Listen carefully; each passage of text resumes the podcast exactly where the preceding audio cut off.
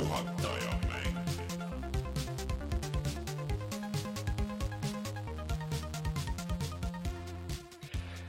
tere tulemast, on reede ja on kätte jõudnud aeg, et puhata ja mängida.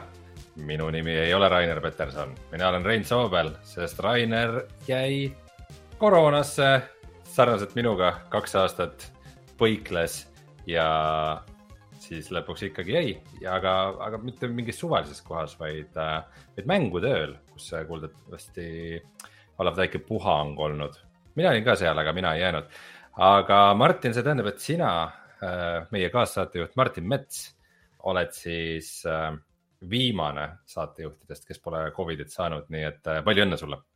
äh,. aitäh, aga tegelikult Rainer oli, oli siin tegelikult ju meil äh, talvel ka korra. Oli või?? ja, ja oli küll, see käis nii kergelt, et ei pannud tähelegi.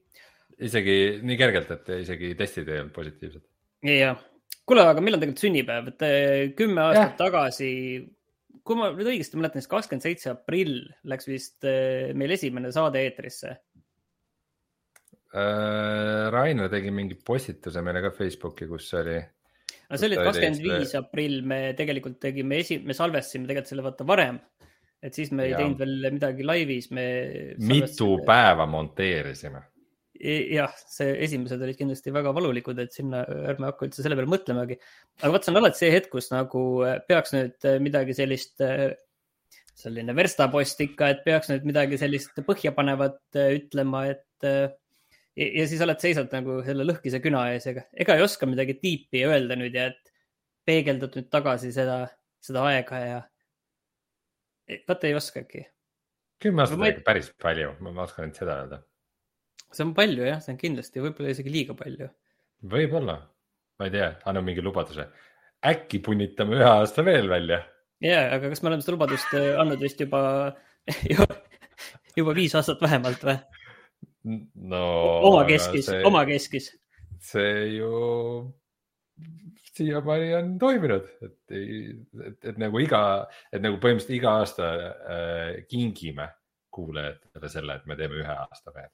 või, või äh, kingime selle endale ja, ja kuulajad peavad lihtsalt selle ära taluma, et need nad veel, veel ei lõpetagi, et see on veits nagu vaata nagu, vaata me peame nagu selle hetke ära tabama, et me ei läheks nagu õnne kolmeteistkümneks, et, et vaata, kus sellest kõigest saab juba niivõrd vaata nagu nali oma, et eh, nali on lihtsalt juba see, et, et see nagu, seda tehakse edasi, mitte see, mis seal toimub, et see ei olegi enam nagu üldse oluline, et vaata, et seda hetke peab nagu vältima, et, et ma ei tea, keegi peab tulema õlale koputama ja ütlema, et kuulge, et aitab mehed, et, et oli, oli tore, tore, aga, aga, aga jah, kuulge, teie enda pärast ma ütlen teile, et ei, ärge enam tehke.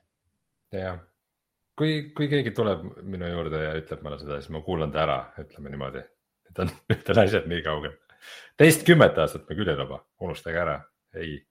see on See on- võib-olla tõesti natuke liiga, liiga palju, et, et aa, aga mis ma tahtsin mõelda tegelikult, et kümme aastat tagasi natukene mõelda ka nagu mängude võtmes, et mitte ainult endast rääkida.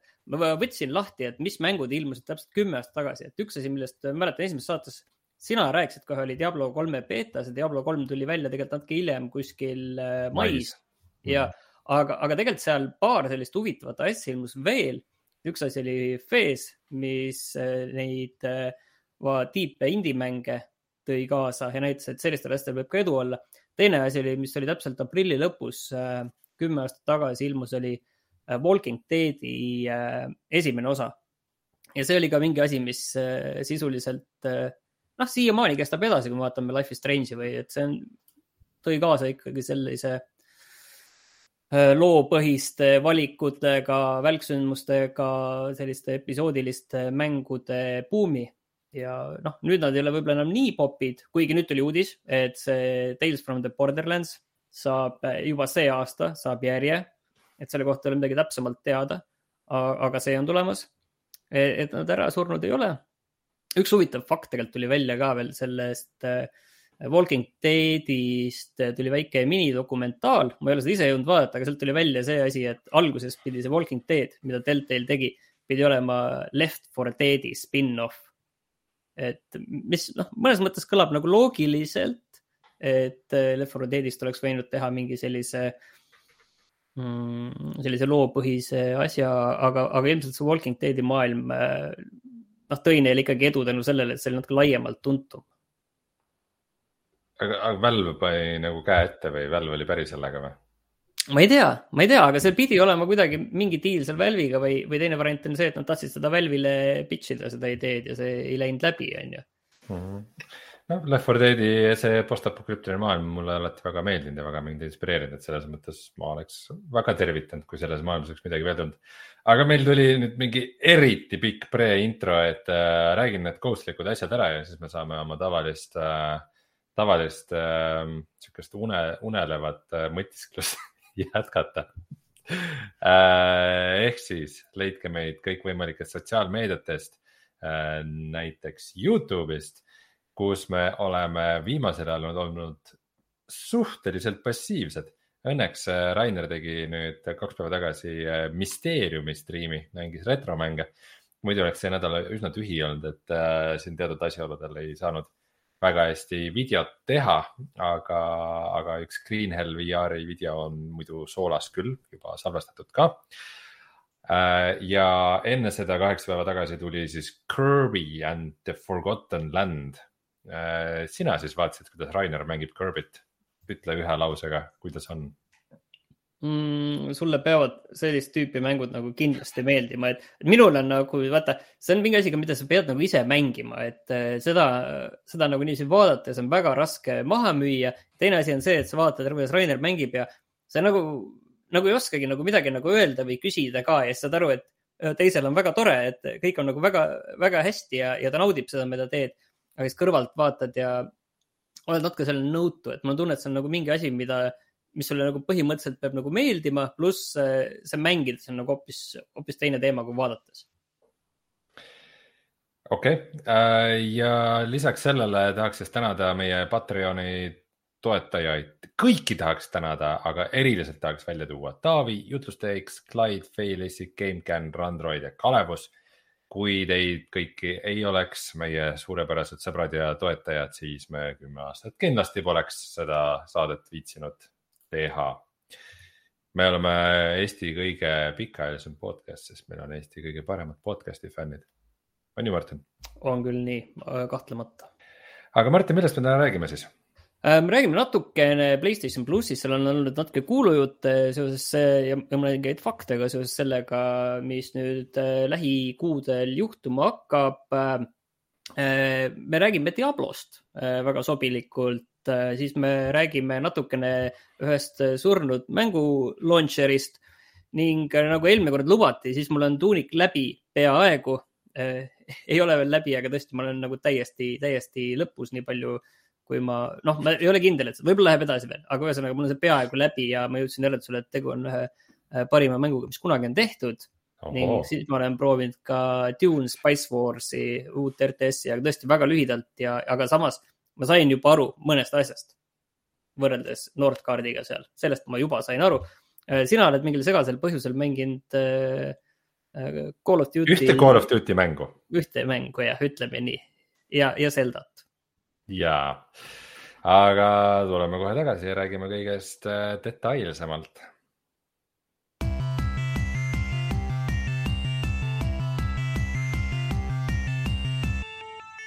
uudised jah, täna siis tõepoolest niimoodi, et kuigi Rainerit ei ole, ta vaevleb kusagil haigena, siis ta siiski äh, kuskilt äh, märgade linade alt äh, eetrilõhnaliselt äh, roomab välja ja vajutab vahepeal nuppu nii et helid, mida te kuulete, on äh, laivis äh, Raineri pandud siia vahele. aitäh, Rainer, et sa taustalt meid ikkagi abistad äh,. ma paari sõnaga räägiks ka siis sellest üritusest, kus, kus Rainer omale koroona sai Äh, ehk siis äh, kinos Sõprus oli mängutöö, mis oli väga tore, äh, sümpaatne üritus.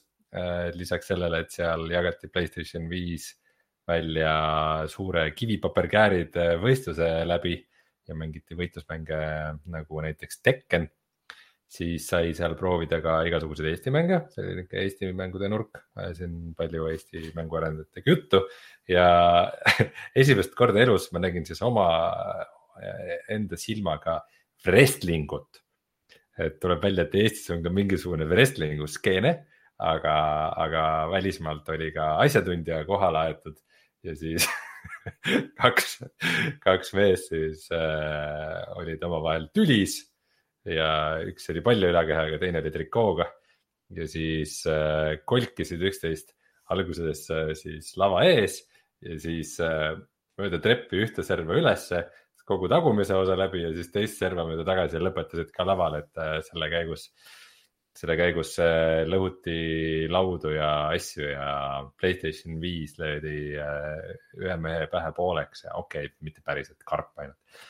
aga, aga nagu päris, päris naljakaid asju võib juhtuda seal mängudel. eks see on üks andekad, andekad näitlejad on, et ma ütlen, et see, see on sellise näitekooli ja kehakultuuri selline sümbioos. ja selles mõttes see ei ole nagu lihtne, et nagu üksteist niimoodi klohmida asjadega, käte-jalgadega, kukkuda maha mingi, eriti kinosaalis, sihukeses vanas kinos, kus on vaata mingisugused mingid liistud ja naelad ja mingid teravad nurgad igal pool, et see on ikka nagu, see on ohtlik tants ja ja ma, ma hindan seda äh, kui kunsti, kuigi, kuigi see oli natuke naljakas ka. Äh, Eesti siis selle äh, mänguarendajate organisatsiooni üks asja sai eriti hea klipi, kuidas on nagu selline see Eesti mänguarendajate nagu bänner ja siis selle ette kukub üks tüüp ja siis teine virutab talle pähe prügikasti, mis on pudeleid täis ja pudelid lendavad laiali igale poole. nagu vapustav, väga hästi sümboliseerib, kuidas mänguarendus käib.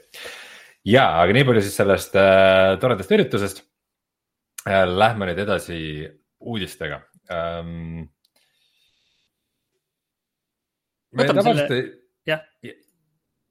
jah. aga palun okei okay., me tavaliselt ei rõõmusta, kui, äh, kui mõni mäng või teenus sureb. aga seekord rõõmustame, sest et äh, Betesta launcher pandi kinni seda on nüüd äh, mõnda aega lubatud, see tänu sellele, et äh, Microsoft siis kogu Betesta ära ostis, see protsess on ilmselt äh, kiirenenud, sest et Microsofti mängud lisaks, lisaks sellele Windowsi enda poele on ka, on ka Steamis, et siis ka Betesta mängud on nüüd Steamis ja mitte ainult siis need um, igasugused Elder Scrollsid ja Doom'id ja siuksed, sest Doom'id olid minu meelest kogu aeg, see on kusjuures imelik. Yeah.. Äh, aga, aga ka mõned äh, vanad mängud, näiteks äh, Elder Scrolls üks ja kaks on täiesti tasuta olemas seal, nad olevat küll ka Koogis olnud tasuta, aga nüüd sa saad minna lihtsalt Steam'i ja neid seal tasuta mängida. võib-olla isegi peaks selle puhul.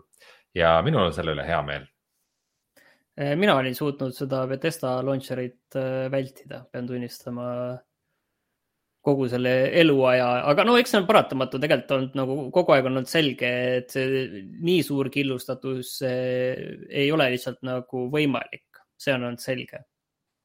ja, ja ütleme, et tegelikult eriti veel need eh, selliste enda levitajate poed, et ma saan aru, et see on kindlasti väga mõistlik, kuna, kuna lihtsalt seal see vahendustasu jääb äh, jääb nagu enda kätte, et seal see äriline, see pool on nagu väga tore, aga, aga samas see nagu paneb niivõrd lukku, et siis sa jär, mingi järgmise levitajaga teed mingit diili, kes tegi siin Ubisofti mängud, tõi endale EA vist oli vist niipidi, igal juhul noh, igaühe see enda asi, et see mulle meeldib rohkem, kui, kui see, kui see platvorm on kellegi teise käes, et on see Steam, GOG no Epicul on ka okei okay,, see Epicu enda asjad on ju, aga, aga see, et kui see platvorm ja, ja levitajad, kui nad on eraldi, et seal, seal, sellel on nagu, nagu nagu parem point lihtsalt. et, äh, et lihtsalt seal ei teki neid huvilisi, huvide konflikte lihtsalt. Steam koolib lihtsalt jube palju, see kolmkümmend protsenti, mis nad vahelt võtavad, on ikkagi nagu arvestatav, et äh, suurele, suurele stuudiole või noh, suurele levitajale nad ei suuda nagu nii palju väärtust pakkuda, et nagu see kolmkümmend protsenti ära õigustaks ennast jah, aga ma kujutan ette, et ikkagi, kui sa oled mingi suur levitaja, siis sa saad ka Steamiga mingi natukene teistsuguse diili ka seal, ma kujutan ette, et see päris nagu nii ei ole, et see kolmkümmend on nagu nüüd igaühe juures äh, kivisse raiutud. ega ma ei ole ka selles kindel muidugi. ei no mõni aasta tagasi oli mingi uudis, et kui, kui mäng teenis mingi üle viie miljoni käivet, siis said mingi kakskümmend viis protsenti või midagi. see, see midagi nagu väga, väga hull ei olnud, selles mõttes nagu no lihtsalt puhas matemaatika nagu ütleme, et mingisugune, mingisugune uus Elder Scrolls äh, tuleb välja, müüb viis miljonit eksemplari Steamis. okei okay,, see on võib-olla liiga palju ja, ja teenib sealt mingisugune äh,, ma ei tea, mitusada miljonit äh, ja siis lihtsalt sada miljonit dollarit antakse Steamile selle eest äh, no. ikka, see on ikka jõhker nagu Thanks, et panite selle Linuxi sinna, thanks, et hoidsite oma. no oleneb, seal, ei no seal on mingid muud asjad ka ikkagi, seal on ikkagi mingi support ja, ja seal mingid asjad on kindlasti nagu ikkagi, ikkagi veel on ju, et see päris nii lihtne aga, ei ole. aga, aga seoses, seoses vahendustasuga, et ikkagi üks huvitav asi tegelikult on veel, et äh, tegelikult see nüüd reedel lõpeb, aga on see punktide IPO.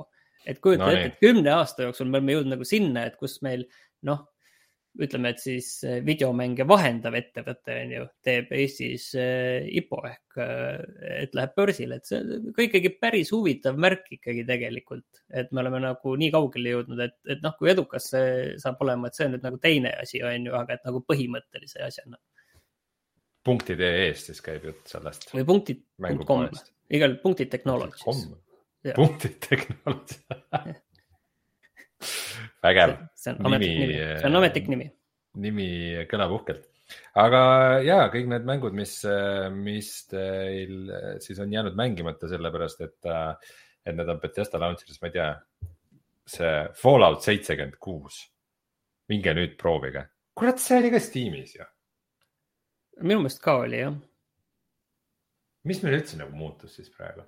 No muutus see, et see pandi kinni, et selles mõttes, et kui teil on nagu äh, kui teil on mingisugused mängud, äh, mis teil on ainult seal äh, Betesta poes või Betesta launcher'is siis nagu regatud ja mitte Steam'i, et siis äh, minge tõstke need ümber, aga noh, seda te saate, saate veel veidi aega teha. et see nagu päris valutu protsess ikka ei ole, ma olen aru saanud, et ikka inimestel on jamasid olnud küll. et mingeid seive ja asju üle tuua, aga, aga üldjoontes vist nagu pigem toimib.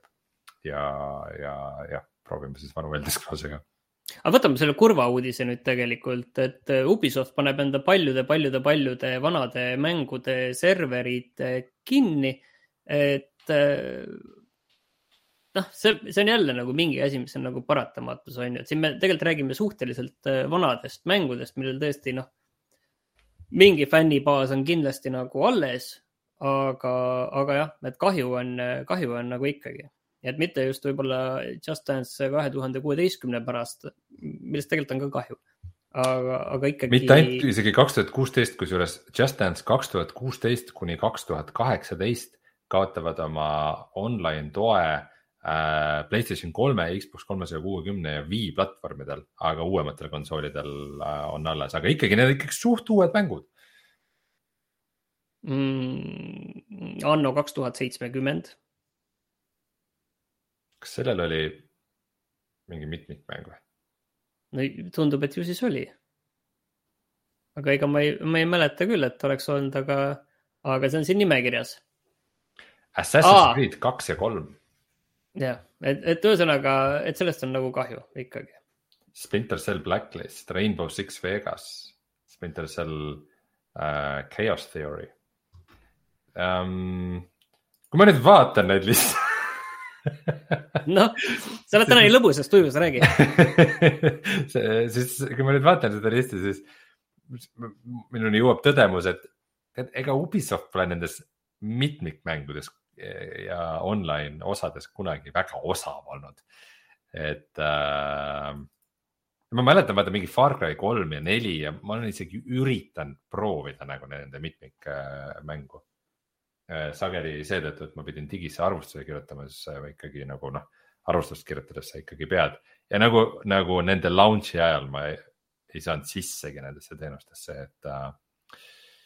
kui mängu ennast saad mängida, siis on nagu ikkagi, ma ütleks, see on hästi. no seda küll jah.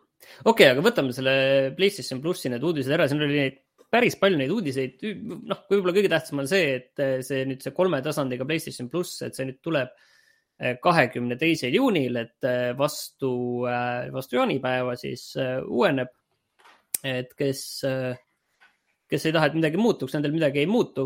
jääb see lihtsalt see kõige madalam tase jääb, jääb sinna alles ja, ja kõik jätkab samamoodi, aga lihtsalt sa saad endale siis äh, kallimatele tasemetele minnes uh, uusi asju juurde. et kõige kallim tase on seal see, kui ma nüüd ei eksi, oli kuusteist või seitseteist eurot kuus oli see premium tase. et nüüd kuuldavasti Sony ikkagi enda stuudiotele ütleb, et tuleb teha ikkagi selle jaoks selline kahetunnine demo kõikidel enda eksklusiividel, et kahetunnine demo. see ilmselt ikkagi on niiviisi, et sa saad, see ei ole teada, aga et sa ilmselt ikkagi saad enne mängu äh, mängu väljatulekut äh, seda mängida ja see on kaks tundi ja niiviisi ilmselt ikkagi, et see äh, progress kandub ka üle, et kui sa selle demost nii-öelda ostad selle täisversiooni, siis see kandub üle, aga noh, sa pead arvestama, et, et äh, mingi osa inimesi ei osta seda, nii et sa pead selle eraldiseisva demona ikkagi nagu välja, ära tegema. vot okay. ja, ja üks mingi veider kuulujutt, veider asi oli veel, et, et millel pole nagu päris kinnitust saanud, on see, et muidu PlayStation plussi ostes sa võid endale neid koodikaarte korraga näiteks osta mingi kümme tükki, näiteks aasta aja omasid ja sa võid need kõik korraga ära aktiveerida ja siis need lihtsalt eh, paned need üksteise otsa niiviisi. ja, ja sa võidki kuni aastani mingi, võib-olla seal on mingi piirang ees lõpuks, aga kasvõi aastani siis kaks tuhat kolmkümmend kaks, kuni meie saade saab eh, kahekümne aastaseks, saad eh, selle plussi endale ära osta aga nüüd kuuldavasti vähemalt ajutiselt on äh, mingi error seal kasutajatel olnud, et ei saa nagu juurde lisada neid kaarte. et see on, see on iseenesest äh, päris äh, huvitav, et see, see kindlasti ei saa nii jääda. kui inimestel need kaardid ära ostetud, siis nad peavad saama need ikkagi mingil kujul nagu lunastada. aga seoses ilmselt selle, selle uue plussi tulekuga seal, seal mingi asi on, kuigi ma ei näe, mis selle asja nagu mõte saaks olla, kuna äh, noh, inimesed võivad selle endale ära osta, hind ei muutu, nad võivad selle teenuse endale ära aktiveerida, ütleme mitmeks aastaks ja neile lihtsalt jääb see baastase. aga, aga noh, midagi, midagi seal toimub, mis on natukene nagu veider mm. -hmm selle eelmise uudise osas äh, Omar täpsustab, et äh, mitte ainult siis first party Stony stuudiot, vaid kõik need mängud, mis maksavad rohkem kui kolmkümmend neli dollarit, peavad tegema siis selle paaritunnise demo päris äh, huvitav muidugi jah, et äh, eelkõige, et kuskohast see summa nagu tuleb ja see võetakse. aga, aga see on päris nagu naljakas. et ähm, see on. see on nagu kolmkümmend nagu eurot. see on nagu see piir, et see, üle selle on nagu premium mängud. arvan. aga ma ei tea, kas midagi nagu vastu ka antakse arendajatele, et oh, kulutan nüüd hullult palju aega, et tee meile. no eks seal on võib-olla mingi. oma tasulist teenust müüa. no eks seal on ka mingi võimalus muidugi seda müüki muidugi teha paremini, aga noh, ma ei tea. et seal on see, et tehke siis hea demo, aga noh, head demot on võinud nagu teha nagu ju kogu aeg, et ega sellele vist ei ole keegi nagu kätt ette pannud. ja, jah. aga äh, räägime selle Diablo asja ära, et siis on ikka. enne seda, enne seda, et äh, tasakaalustada meie saates äh, sinist ja rohelist värvi, siis et kui kakskümmend kaks juuni äh, on nagu suur asi Sony jaoks, siis siin juuni lõpus nüüd kuulutas välja ka Microsoft, et äh, neil on siis ähm, kaksteist äh, juunis on siis suur showcase, et äh, Xbox ja Bethesda siis teevad suure showcase'i, et äh, mida me küll võiks seal näha. et mulle ikkagi tundub, et kuigi E3 on surnud, siis, siis ikkagi niisugune harjumus on, et juunis mingeid asju nagu näidatakse, et äh, mingi, mingi demovärk seal läheb käima. eks see on vaata paratamatus, et äh, sügisel tulevad need suured mängud välja, et sa mingi hetk pead hakkama kuidagi ikkagi nendele nagu haipi tegema ja näitama, et mis siis tulemas on just, et, äh, et, et, et kõik noored hakkaks äh, suvel raha teenima, et, äh, et sügisel mänge osta ja konsoole. et näiteks ju üksteist november sel aastal peaks tulema välja Starfield, järgmine suur Betesta mäng. aga tuleta mulle meelde. aastaid on välja kuulutatud me ei ole sellest ju näinud rohkem midagi peale selle mingi, mingi diiser oli, mis oli CGI vist ei, ei olnud nagu mingit päris mängu vist ei näidatud, mingi asi oli. või on näidatud ainult seda logo ja kontsertarti? mingi treiler oli talvel ka, aga mul on tunne, et gameplay'd küll ei ole näidatud kunagi, et ikkagi väga-väga umbmäärane on see kõik, et äkki lükatakse ka edasi, mine tea. no ei tea, vaata, kui sa oled ikkagi endale sellise maagilise kuupäeva nagu juba välja valinud ja, ja sa oled selle välja käinud, siis noh, jah, okei okay,, kui see tõesti ei ole valmis, siis keegi ei taha, on ju, olla uus küberpunk, on ju, et äh, seda me oleme rääkinud, et pigem, pigem ära ole uus küberpunk, vaid äh,, vaid noh, tee see kohe valmis, see mäng ikkagi mm. -hmm. Hellblade kahte pole nagu ammu näinud või sellest midagi? ei, sellest ikka, aga sellest mängu ikkagi näidati, kui ma nüüd sellest ei näidati jah, aga ja. noh, lihtsalt asi, mida, mis, mida ka nagu sealt, seda ei, Ninja Theory ei ole küll Bethesda all otseselt, ta oli lihtsalt Xbox'i all. ja, aga Bethesda on siis Machine Games äh,, Wolfensteini tegijad, kes ju kuulutasid jaanuaris, et nad teevad Indiana Jonesi mängu ma ei, ma ei süüdista sind, kui sa olid selle ära unustanud. ei, äh, me ühes saates rääkisime sellest, et, et mul on täitsa nagu meeles ja see kõlab nagu väga huvitavalt, et. Et Indiana Jonesi mänge ei ole ju tehtud juba väga kaua ja ka mingi aeg neid ikkagi tuli päris, päris mitu nagu järjest. millal, mis, proovi lihtsalt peast pakkuda, ära guugelda. proovi lihtsalt peast pakkuda, millal see Tomb Raideri sarnane Indiana Jonesi mäng oli. kaks tuhat viis, kaks tuhat neli kaks tuhat kuus kuskil sealkandis, ma arvan, et oli. Ma arvan, et sa panid päris täppi, ma ka peast ei tea, aga kuskil sinnakanti ta jäi jah. nii, aga rääkides asjadest, mis on väga ammu juba välja kuulutatud ja, ja nüüd ehk tulevad ka välja, siis äh, teisel juunil tuleb Diablo Immortal mobiilimäng. tead, millal see välja kuulutati? Äh, kaks tuhat kuusteist, kaks tuhat seitseteist, midagi sellist. kaks tuhat kaheksateist siiski, et ah, neli okay., neli aastat tagasi et äh, kaua te võite teha ühte kuramuse mobiilimängu, et äh, tal on muidugi vist mingi igasuguseid betasid ja asju olnud, et, et on inimesi, kes on seda mänginud küll ja teisel juunil ta tuleb siis äh, välja iOS-ile ja Androidile ja ka arvutile, et siis see mobiilimäng, mida, mida nad nii kaua teinud on, et see äh,. kuigi vist arvutile ta ei tule nagu launch'ina, et siis tuleb teisel juunil alles nagu open beta ja sellel on äh, siis äh, ka crossplay ehk siis sa saad eri platvormidel nagu korraga mängida sõpradega koos. ma võin nüüd küüniline olla, et ma kahtlustan, et see Diablo Immortal on nagu valmis olnud sisuliselt sellisel kujul, nagu ta välja tuleb kolm aastat äh, ja kolm aastat on tegelenud, tegeletud selle Äh, monetiseerimise mm, paika timmimisega, et kus seal see õige ideaalne sweet spot leida, et, et milline see mäng peaks olema oma selle rahastusmudeli poolest, et see on olnud see suurem väljakutse, miks neid beetasid ja suletud beetasid ja kõiki neid teste teha. kuivõrd see, et kuidas see mäng nagu reaalselt nagu jookseb ja mis seal teha saab. võib-olla ma olen natuke küüniline, aga, aga ma arvan, et see midagi sinnapoole pigem on no miks sa arvad, äh, miks Actiblissi eest nii palju raha maksti? see on tõsi. sellepärast, et, äh, et neil on tore kunstiline meeskond või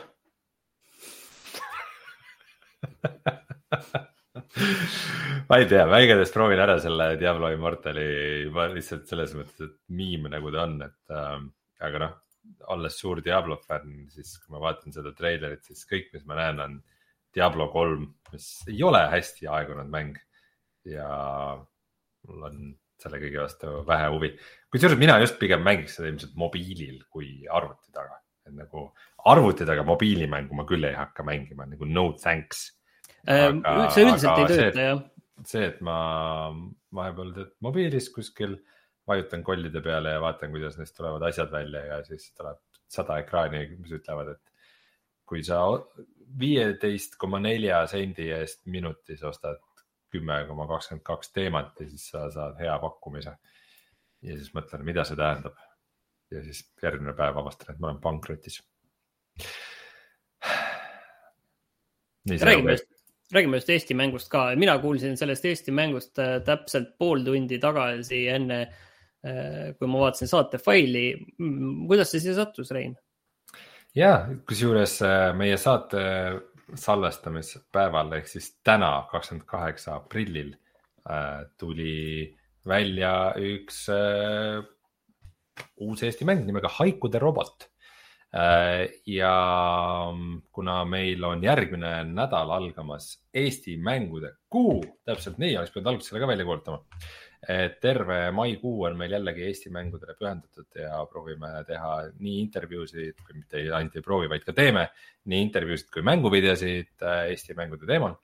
siis, äh, siis on väga tore, et üks eksemplar on siia lisandunud. Äh, ma ka selle, see on põhimõtteliselt ühe mehe tehtud mäng. ma selle härrasmehe kutsusin ka saatesse intervjuud andma, aga paraku ta vastas mulle inglise keeles. nii et on siis Eestis elav välismaalane, me, me peame ükskord tegema vist selle puldi ka ära, et nagu Eestis elavad äh, teistest riikidest pärit äh, mänguarendajad ka äh, ükskord kutsuma intervjuule, aga nagu see aasta prooviks veel eestikeelselt nagu läbi pigistada, äkki me teeme haikude robotist video igatahes mäng ise, ma sain seda natukene mängude veel proovida ja selle põhjal nendega juttu ajada. tundub, et ta on väga sümpaatne ja nunnu ähm, mäng nagu küljelt vaates mäng äh, robotist, kes äh, saab hüpata, võidelda mööda seinu äh,, wall grab ida, teha topelthüppeid, ehk siis ta on sihuke action pusle platvormer 2D ja tundub äh, päris vahva. ma näen juba sellist äh, hmm, ägedat Metroidvania kaarti siin, kus see Just. kõik toimub, et siin ta tundub tõesti nagu huvitav, hind on täitsa mõistlik, kuusteist eurot ja mul on tunne, et siin isegi võib olla sellist äh, täitsa korralikku sellist hitipotentsiaali ka natuke laiemalt, et äh, niiviisi lihtsalt peale vaadates, ega kindel muidugi ei ole, aga, aga täitsa nagu, et see võib täitsa olla üle keskmise edukam Eesti mäng. mine tea, aga mm, kavatsed mängida? Äh, nüüd küll jah, ma ei, kohe räägin muidugi mängust, mille ma nüüd endale ostsin ka just ühe enne saadet juurde, aga no okei okay,, okei okay. aga ma nagu vaatan seda haigude robotit ja mõtlen, ta hullult meenutab mulle mingit mängu, aga mul ei tule meelde, mis mängu nagu, nagu ma, ma, mu aju tahaks hirmsasti võrrelda millegagi seda, aga mõtlen, mis mis see nagu on kõige rohkem? Äh, ta natuke meenutab äh, mõnes mõttes võib-olla seda Hollow Knighti, aga ta on hoopis teistsugune, kuidagi visuaal meenutab seda ma arvan, et see on hea point. kunstiline stiil, aga noh, värvid on kõik teised, aga värvid on palju soojemad siin haikus. aga mm, -hmm. aga jah, võib-olla Hollow the Night või Hollow Night eh, on võib-olla. ja, aga seda, et eh, kes meil siis järgmine aasta, järgmine nädal eh, külas on ja mis, millest me video teeme, no et noh, küll näete, küll näete jah. nii, aga räägime nüüd. aga, aga kindlasti tuleb äh,. väike veernurgake ka siia vahele, et äh, nüüd siis äh, The Zook ise isiklikult kinnitas, et see aasta tuleb äh, neil üks VR peaseade veel välja, neil siis ehk siis Facebookil ehk siis Metal ehk siis Oculusel äh,. see ei saa olema Oculus Quest kolm, seda ilmselt me see aasta ei näe, vaid hoopis äriliselt suunitletud peaseade, millel veel nime ei ole. Äh, selle koodnimi on Project Cambria ja see saab ilmselt olema kallis, äh, aga mugav ja võimas ja selle, see ei ole lihtsalt sihuke mängude jaoks mõeldud, vaid see on mõeldud selleks, et sul ei ole enam nagu sülearvuteid ja siukseid asju vaja. et sa lihtsalt teed tööd niimoodi, et sa kas seisad või istud ja vehid kätega, teed no see kõlab natukene, natuke seade, mis on ikkagi enda ajast ees. no Quest kaks oli ka oma ajast ees, aga tal Quest kahel läheb ikka väga-väga hästi ehm,.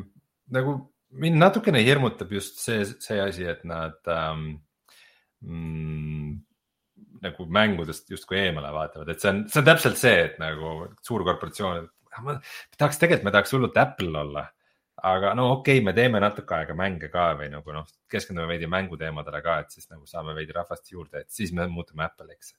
nüüd, nüüd selle seadmega me olemegi kohe Apple ja, sest Apple'il ei ole mänge, vaata. no tegelikult eh, selles mõttes see on kindlasti nagu ettevõtte vaates õige, et seda kasutust kõikidel VR-il ja erinevatel eh, VR-seadmetel nagu laiemaks tõmmata, et nad ei oleks ainult mängud, et seal on ka teised eh, võimalused sees, et see nagu toetavad kokkuvõttes need üksteist. vähemalt ma näeksin seda nii.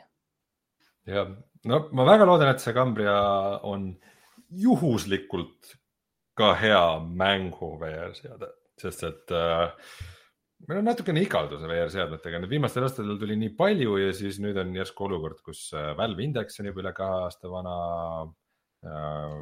Quest kaks on kaks aastat vana, PSVR kaks tuleb kunagi, aga nagu neid uusi, uusi mingeid muid seadmeid on ka vaja, nii et äh, jääme ootama äh,. ja siis äh, räägi meile, Martin, uuest Tales of the Borderlandist, mis see aasta välja tuleb no tegelikult ma juba ette ees mainisin ära kõik, mis selle kohta teada on, et ta ongi Tales from the Borderlands oli Telltale'i, ma ei mäleta, millal see saab ilmus, võib-olla kuskil kaks tuhat viisteist, kuusteist. Episoodiline mäng, mis tegelikult noh, põhimõtteliselt täpselt samasugune nagu need kõik teised on. kahe, kahe sellise erinevusega, et see toimus Tales from the Borderlandi maailmas ja samamoodi peaaegu enamik tegelasi ei olnud varasemates mängudes olnud ja, ja siis kõige olulisem asi võib-olla oli see, et, et see oli lõbus naljakas, lõbus naljakas ja selline hoogne. ja, ja see on nagu asi nagu mängude juures nagu laiemalt, mida, mida ei ole nüüd nagu kunagi nagu liiga palju, et pigem on alati sellist tüüpi mänge nagu vähe ja siis tegelikult see võeti väga hästi vastu. nüüd, eh, mis on võib-olla oluline, on see, et Gearbox teeb seda ise. et seda ei tee Deltail, see uuendatud Deltail ei tee keegi teine, vaid Gearbox ise. okei okay Äh, ja ma siia lõppu, uudisteosa lõppu äh, torkan äh, ühe huvitava asja veel. Ähm, kui me räägime Eesti mängudest, siis Martin, sa tead Eesti VR-mängu Into the Radius on ju? jaa. Stalkerist inspireeritud selline. Creative Mobile teeb jah. Creative Mobile teeb jah, või noh, CM Games, sest see ei ole mobiilimäng ähm, ma nägin, kuidas see mäng jooksis konsooli peal tavaekraanil split screen'is niimoodi, et kaks mängijat seda korraga mängisid. kas ma nägin seda unes? Ma arvan, et nägid unes. Või nägid seda mängu tööl?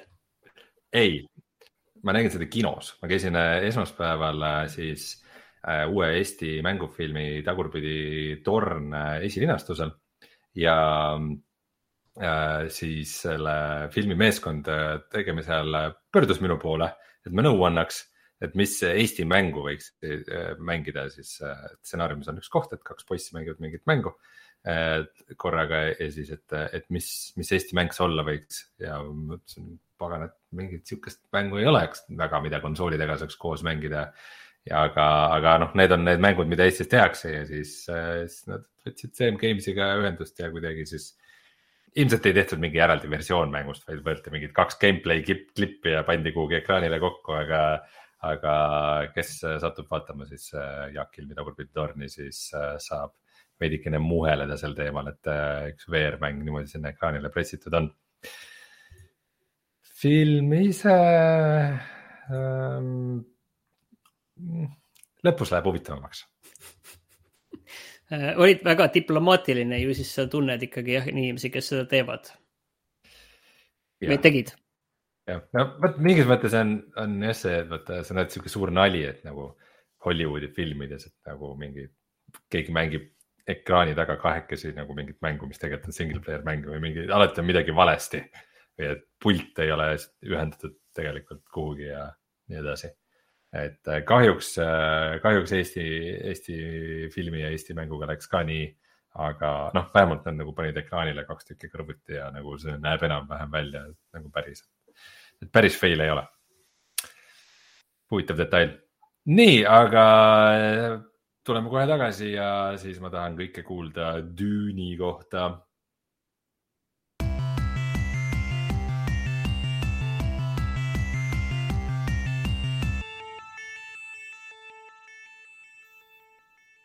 see, et see helisignaal tuli, oli sihuke julgustav signaal, et Rainer on ikka veel elus ja teadvusel.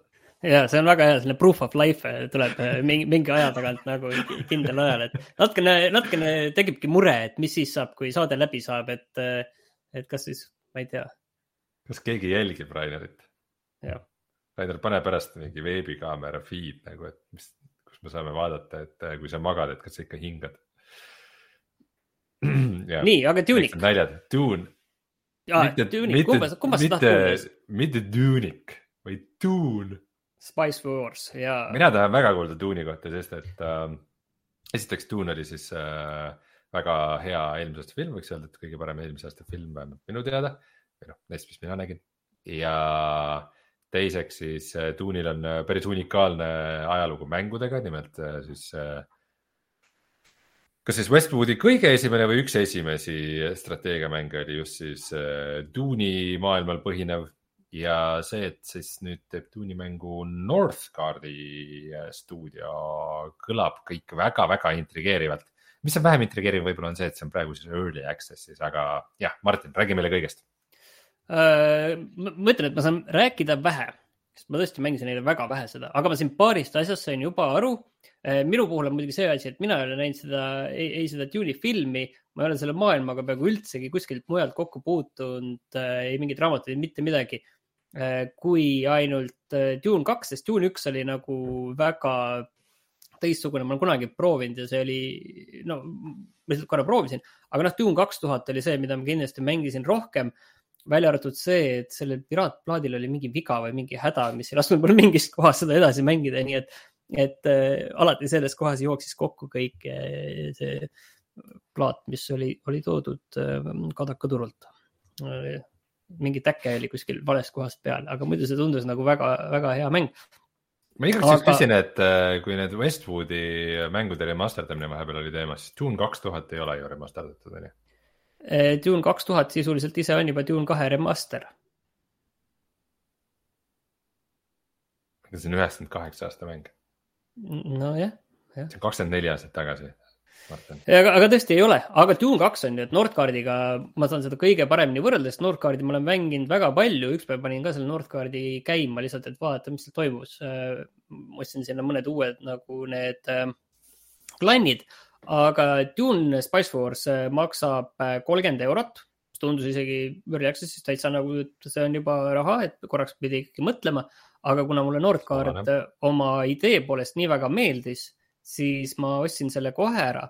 ja, ja esimesel pilgul Dune meenutab väga Nordcardi, et sul on enda selline linn sul on enda, kogu see kaart on jagatud äh, piirkondadeks ja sinule kuulub seal on see üks piirkond, sa pead neid ülejäänud piirkondi avastama, avastama, mis linnad on seal, mis seal on mingid äh, erinevad ressursid.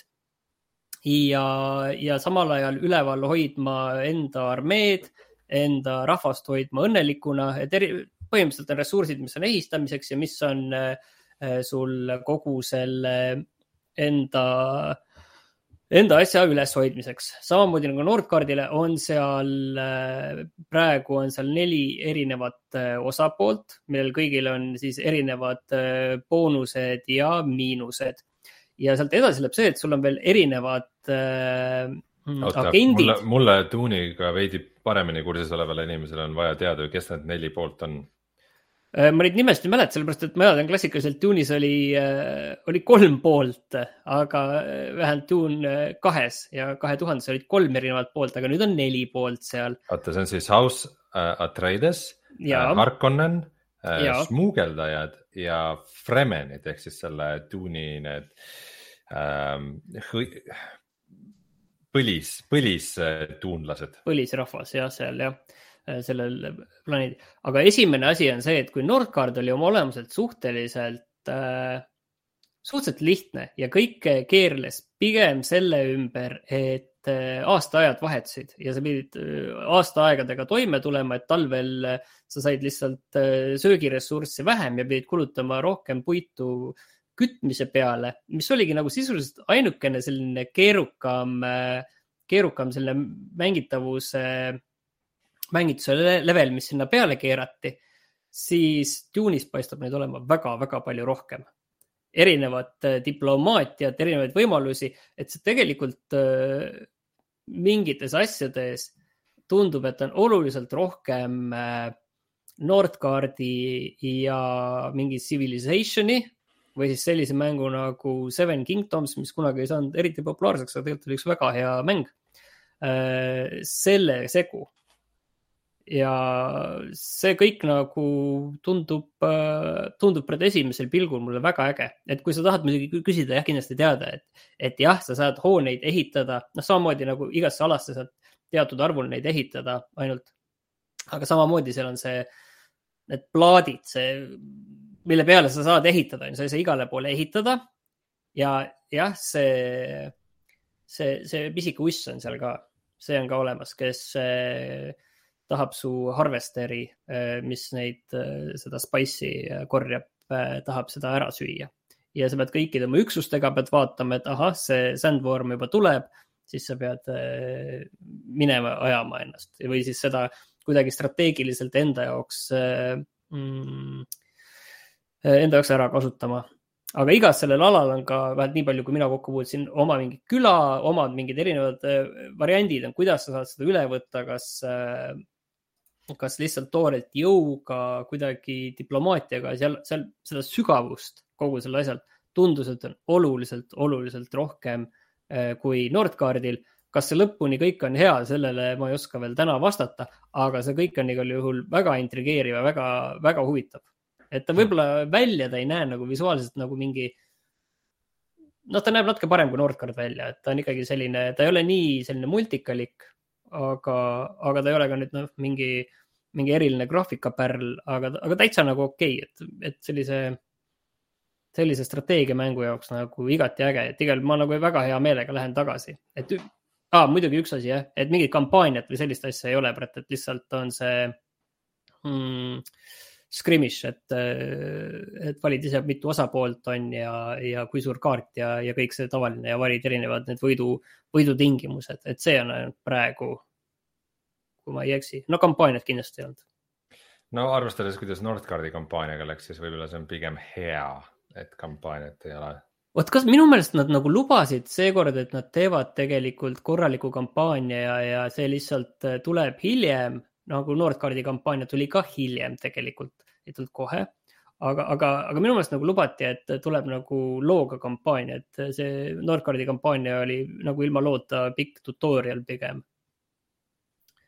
aga, aga ühesõnaga, ma olen nagu väga positiivselt äh, praegu meele, meelestatud, ma praegu seda värskesse kulda veel ei pane, et võib-olla järgmine nädal, kui ma olen rohkem sinna sisse läinud, aga igal kindlasti ma, mul nagu veel ei julge nagu öelda, et okei okay,, ostke ja, ja, aga mul on tunne, et ikkagi, kui sulle Nordcard nagu meeldis, siis nagu tasub sinna minna küll.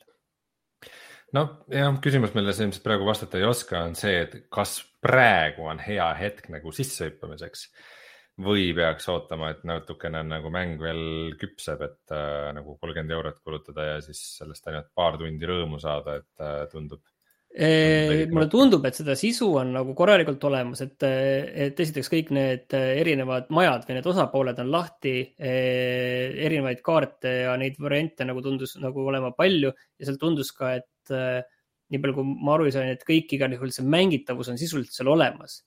et see, see ei ole nagu mure, mul ei tule nüüd meelde selle mängu nimi, mida ma mängisin, mis tegelikult tundus ka huvitav selline tuleviku äh,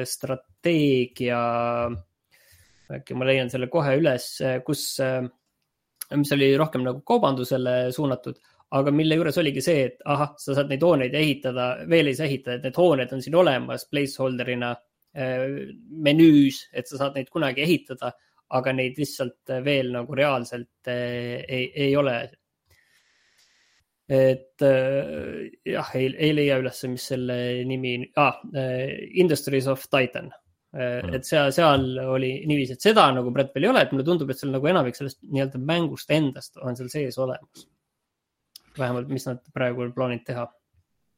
ja ühesõnaga ja..., ma olen siiani positiivselt meelestatud. ja seda infot ei ole kuskil, et kas see hind nagu millalgi tõuseb, kui ta nagu rohkem valmis on? vot ei tea, et see kolmkümmend tundub juba nagu päris suur, et ma ei pannud selle kohta, ei pannud tähele, aga see kolmkümmend tundub juba niiviisi, et sealt nagu ikkagi ülespoole pigem nagu ei näeks, et tõstaks mm -hmm.. okei okay., no selge, mina. aga jah, ma ei oska rohkem. intrigeeritud. ja, ma ei oska rohkem öelda kuuldavasti ka siis, mis, mis ma olen lugenud muidu selle Dune Spice Warsi kohta on, on see, et, et aga äh, nagu, nagu sellesse tuuni maailma või äh, kogu sellesse poliitilisse süsteemi ja story'sse nagu sobib, sobitub väga hästi. mis, mis on väga intrigeeriv. Martin, ma soovitan kindlasti sul Tuuni filmi vaadata, kui sa, kui sa ei näe seda ennast lähiajal tegemas, siis vähemalt kuula selle filmi soundtrack'i, mis vist sai ka parima filmi Oscari ja see on täitsa Spotify's olemas, et saad veits tunnetust. Okei okay., et seal ma lihtsalt ütlen seda. hea trummikäik ma lihtsalt ütlen seda ka ära, et, et seal mõned asjad on seal mängus veel, mida ma nägin, aga millest ma veel ei saanud aru, nii et ma ei hakka nende üle veel ka, veel ka diskuteerima. okei okay., aga mina mängisin ühte suhteliselt uut vana mängu. nii, mida ja äh, miks? ma, ma, ma tahan näha, millal see välja tuli, sest et äh, tegu oli siis Call of Duty Modern Warfare kahe remaster'iga ja äh, Call of Duty Modern Warfare kaks tuli muidu välja aastal kaks tuhat üheksa.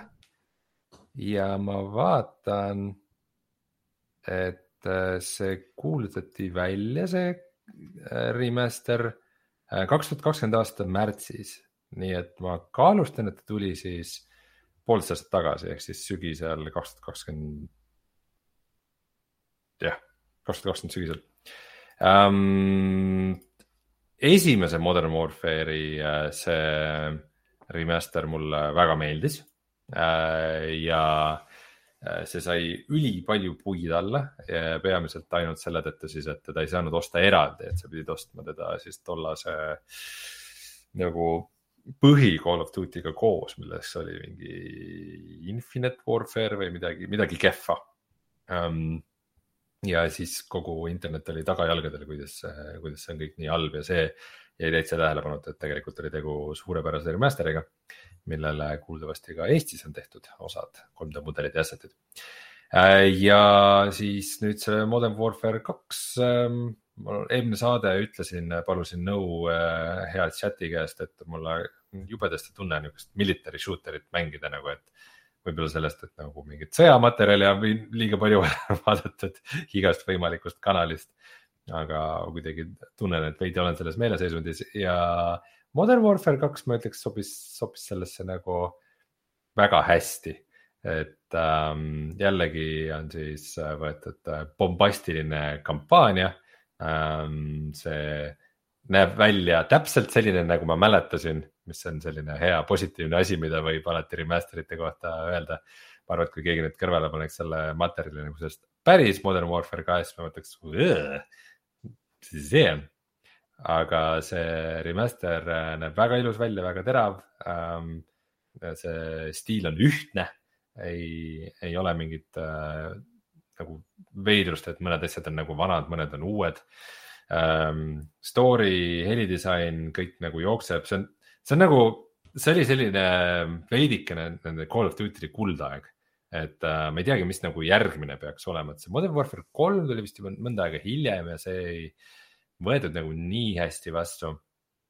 aga seal vahepeal mingid äh, Black Opsid ja mingid, mingid World at War ja mingid sellised mängud veel Weatherboard mulle kunagi. me ei saa seda aega tagasi, Rein, see on parim asi, mis sa saad sellest ajast tagasi. ja, aga see on, see on, see on nii kihvt, et, et, et kui sa mängid seda, siis sa saad aru, miks Call of Duty nagu on ikka nii big deal, et sest, et sest see story, vaata ta hüppab nagu eri, eri tüüpide vahet ja see on väga raske jälgida, kõik on mingi fancy graafika, flash ib igal pool ja mingisugune.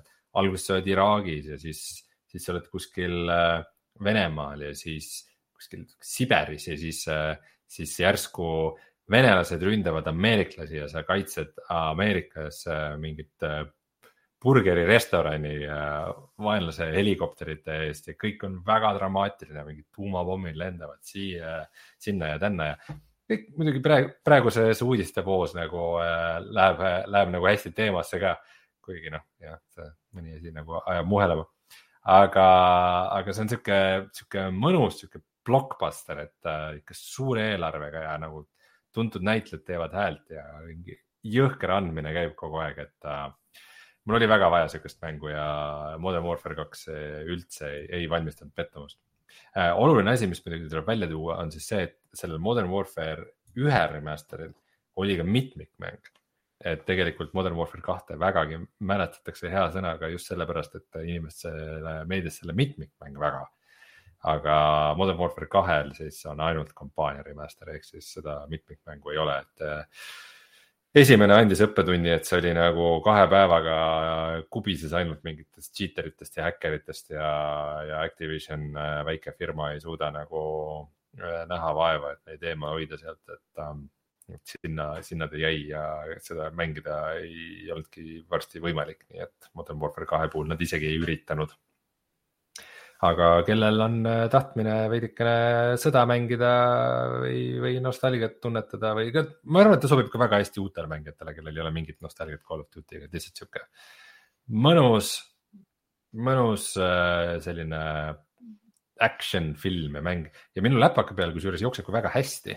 mängin äh, siis tuhat nelisada nelikümmend PS seda kõrgete setting utega ja, ja FPS on väga kiire sihukestes tulistamismängudes, kus palju nagu toimub korraga, siis vahel on see, et nagu mingi pöörad hästi kiiresti ja mingid, oo, vaenlane kuskil seal üleval laseb mind, pöörad ruttu sinna, siis kuhugi teise suunda ja siis nagu kõik on nagu stabiilne, FPS püsib nagu jookseb väga hästi ja õigesti ja tehniliselt väga korralik saavutus.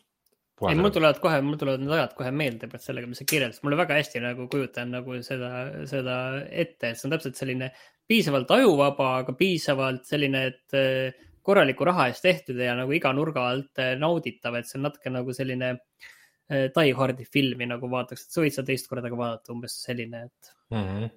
ja, ja noh, mis on see, et nagu see Call of Duty, see formula on nagu kuidagi nii lihtsakoeline, et nii, et sul on nagu mingi relv, siis mingid tüübid tulevad nurga tagant, vahepeal pistavad pea välja ja nagu tulistavad sind ja, ja nagu that's it, aga nad suutsid selle teha põnevaks, nad suutsid selle teha huvitavaks tollal, et sul kogu aeg oli mingisugused, Iraagis mingisugused erinevad sõidukid ja vahepeal oled auto peal ja siis on no, mingi, mingisugune varitsus ja võetakse maha ja siis vahepeal pead breach ima mingi lõhkelaengu panema ukse peale, siis aegluubis hüppad sinna sisse ja võtad kõik pahad ära ja siis vahepeal sa oled kuskil Brasiilia faveelades nagu kõik on mingi värviline ja niisugune mürarohke ja siis proovi seal neid tüüpe üles leida, kes seal mingite, mingisuguste raketiheitjatega lasevad sind kuskilt katuselt või rõdult ja möll käib, väga lõbus.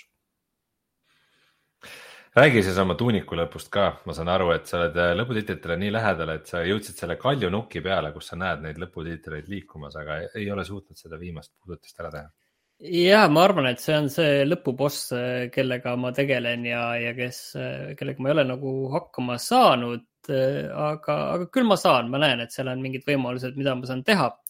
aga Tunicat, kui ma seda kaks nädalat tagasi, kui ma olin seda mänginud, pärast seda ma mängisin seda väga palju. et kui Rainer alguses ütles, et on selline viis-kuus mingi sellised tunnid seda mängu, siis see on puhas vale. pigem ma arvan, et ma olen vähemalt kakskümmend tundi seda mänginud, võib-olla isegi rohkem Steam'i number ajab kindlasti mulle pada, mis on, ma arvan, veel kordades suurem, kui äh, lihtsalt ta on kuskil mul siin lahti olnud vahepeal kogu aeg teiste tegemiste kõrval. aga, aga see on vaata, see on üks neid mänge, kus, äh, kus sa nagu hea meelega, sa lähed kogu selle alguse kõik, äh, käid lihtsalt uuesti läbi ja teed läbi, et vaatad, kas sul midagi jäi kahe silma vahele kuskil ja siis on see hetk, et ahah, et siin on mingi ruum, siin on mingi kaksteist mingit postamenti. ja, ja sa klõpsid selle postamendi peal, seal tekivad küsimärgid, sul ei ole aimugi, mis see on. okei sul ei ole aimugi. siis sa käid veel nagu neid kohti läbi ja mõtled, et okei okay,, et ma saan aru, et siit ma saan minna edasi, aga enne kui lähen edasi, ma käin, vaatan veel need kohad läbi, et kas kuskil on midagi, mida ma ei ole näinud. siis ma ühest kohast leidsin ühe, ühe asja, ma ei hakka rääkima, mis ma seal tegin, ma ei hakka seda ära rikkuma aga lihtsalt äh,. ja siis ma sain aru, et äh, ma leidsin selle mängu esimese saladuse. ma olen võib-olla, võib-olla viisteist tundi seda mänginud. et, et ja, ja siis ma sain aru, et äh, ja tuli Steam'i äh, see achievement, et väga tore, te olete saanud kätte saladuse number üksteist. et äh, siis ma sain aru, et ahah, et siin, siin on veel kaevata nagu palju. ja nüüd ma olen kaevanud neid saladusi seal veel ühe hulga välja ja, ja samal ajal proovinud ka seda lõpubossi võidelda see kõik nagu ähm,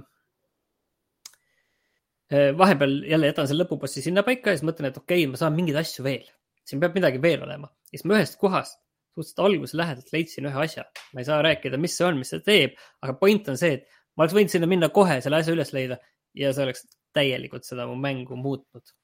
täielikult kõike, mida ma sinnani sain teha, ma oleks saanud selle asja kohe alguses kätte.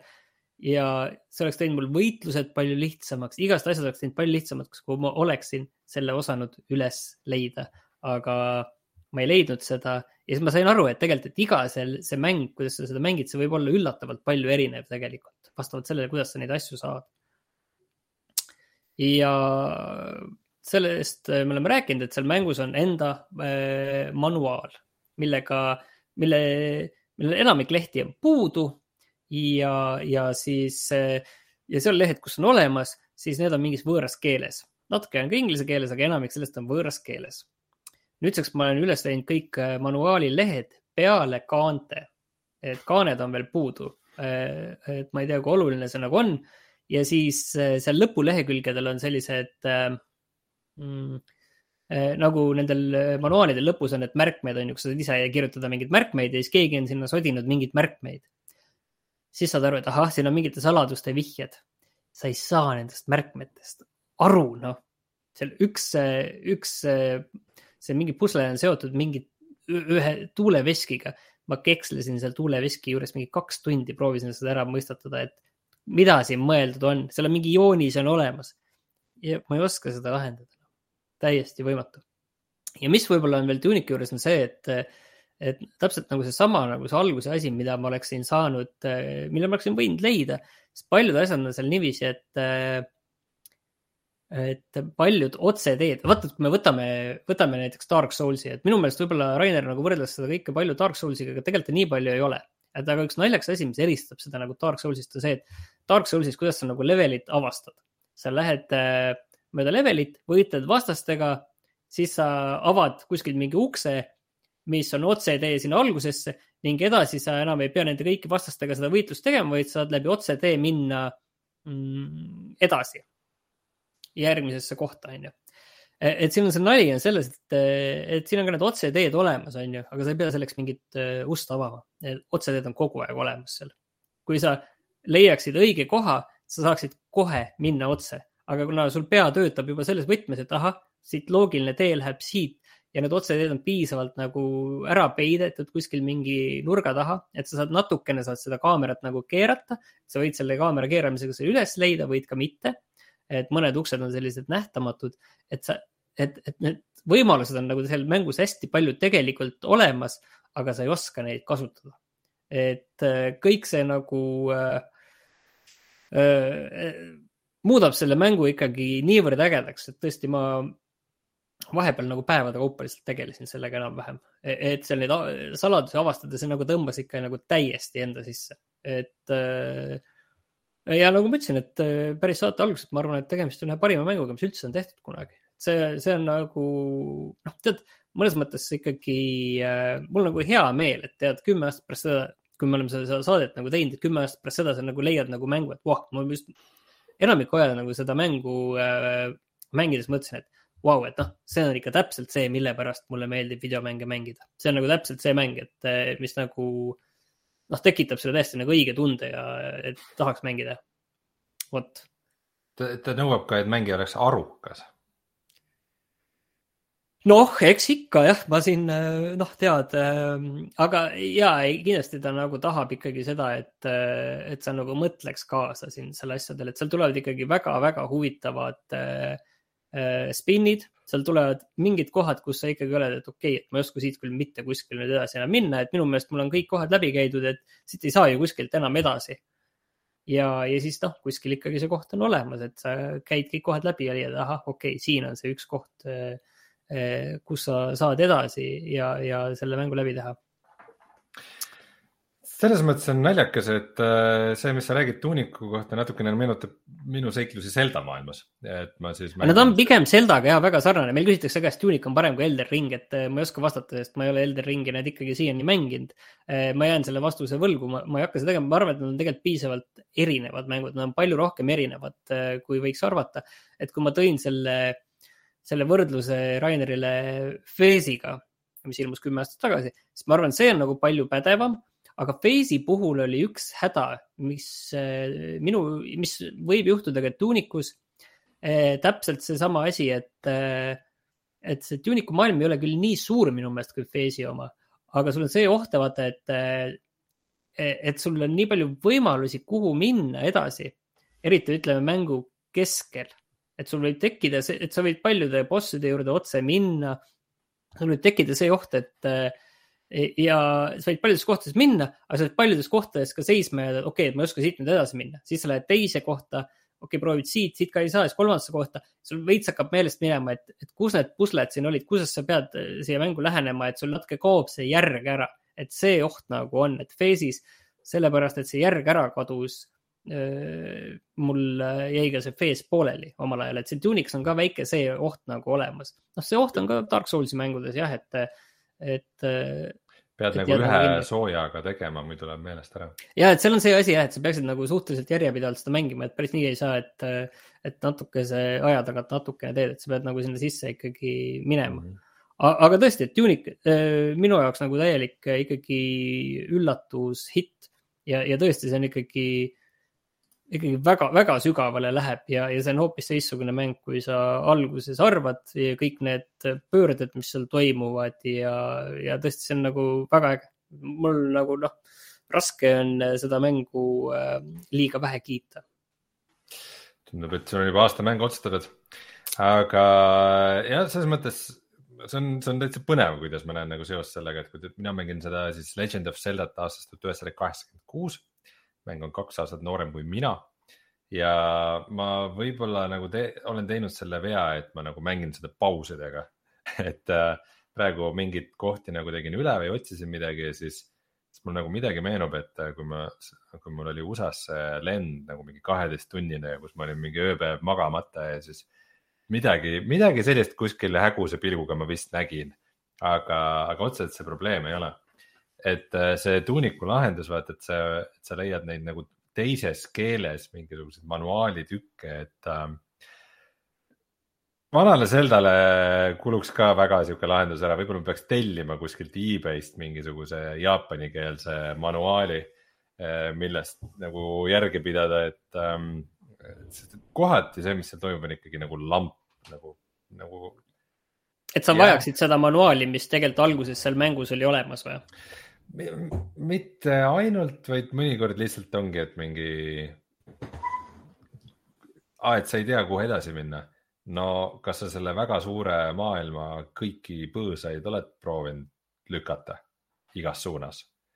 no ei ole, sorry, et ikkagi jah, et ma olen päri sellega, et nagu öeldakse, et nagu, et kasuta ikkagi seda nagu kaarti, kui sa mängid seda ja, ja vahepeal võib vaadata mingeid walkthrough sid ka, et see ei ole mingi häbiasi selle mängu puhul.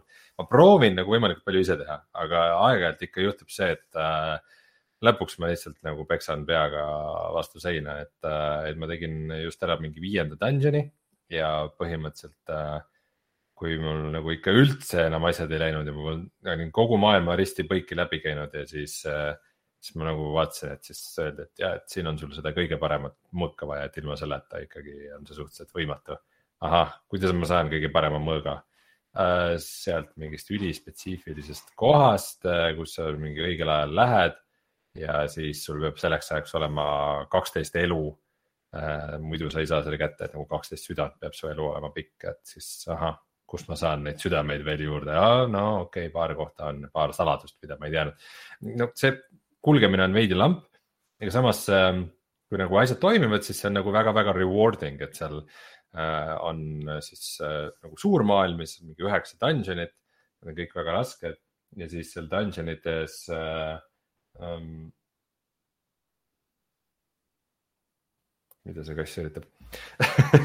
Ja seal dungeon ites sa ikkagi saad igaühest mingi uue asja, mis muudab nagu mängukäiku või, või, või, või teeb midagi lihtsamaks sinu jaoks või annab sulle võimaluse millegi vastu või mingi, mingi bossi vastu leiad mingisuguse asja või et nagu äh, see, see valem nagu kogu aeg läheb nagu huvitavaks ja areneb edasi ja, ja nagu varieerub ja, ja ma jah, kui, kui Rainer on öelnud, et jah, et seda mängu peaks nagu mänguajaloo mõttes mängima või et ka mingit esimest Super Mariot, siis nagu selle esimese Super Marioga ma ei ole nii väga nõus, et nagu, et nagu gameplay mõttes ei ole minu meelest midagi nii erilist või originaalset, aga nagu Zelda on küll, et ta on ikkagi nagu väga viimistletud ja läbimõeldud, kuigi nagu täiesti teise ajastu mäng, et ähm, see, et nagu see on suht, suht kihvt avastamine, ütleme nii.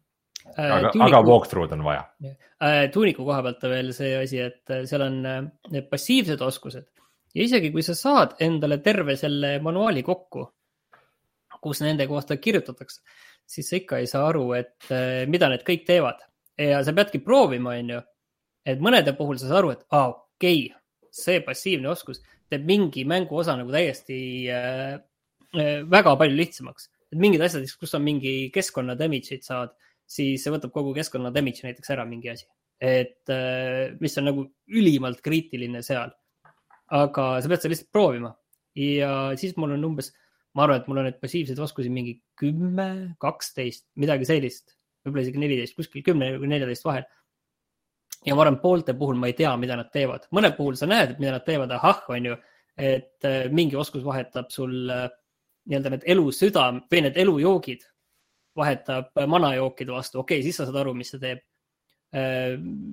mingi asi teeb sind kiiremaks, okei okay,, siis sa saad aru, on ju. Aga mingi asi juba on natuke keerulisem, kasvõi see, kui äh, Äh, mingi asi äh, pärast manuaali ilmus selle kohta märge, et manuaalis mõne asja kohal on märge ka.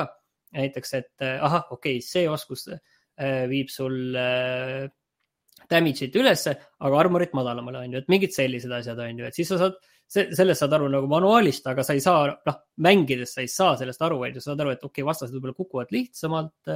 aga okei okay,, sa saad endal ka nagu seda äh, attack'i nagu tugevamaks, on ju, et kas see nüüd oli sellest või millest see nagu tuli, on ju, et sa ei saagi nagu aru. ja, ja sa lihtsalt pead katsetama ja see, et see mäng nagu sunnib sind katsetama ja sa ei saagi mõnest asjast lõpuni aru, see, see on nagu väga äge tunne tegelikult see on kihvt, kui mängi, mäng ei ütle kõike ära, on ju, et äh, vot see on täpselt nagu vastand oleks siis nagu sihuke Ubisofti mäng, kus sul on palju mingeid ikoone nagu äh, kaardi peal. siis sa lähed ja teed seal seda asja, mis sulle ette öeldakse ja sul ei ole nagu äh, jah, et sa saad otsustada, mis järjekorras sa seda teed, aga põhimõtteliselt see, et äh, mis süsteemid seal nagu taga on, et seda lihtsalt öeldakse sulle ja see on nagu mega igav. et kuidagi, kuidagi, kui sa pead ise nagu avastama asju ja ise tegema järeldusi, siis on ikkagi tunne, et oo oh,, et ma olen ka ikkagi osaline selle mängu mängimises ja ei, see, see ja ma ütlen, et noh, tegelikult ongi kogu see asi, et mis tunde see kõik äh, äh tekitab et see on, see on suurepärane ja, ja tõesti, nagu ma ütlesin, et, et see, sa saad aru, miks sulle mängud meeldivad. et kui vahepeal mängid mingeid asju ja siis tundub, et okei okay,, et see nagu noh, on nagu on ja nii edasi, aga, aga praegu see jah, see töötab hästi. aga tuleme siis kohe tagasi ja vaatame, mis on sellel nädalal head pakkumised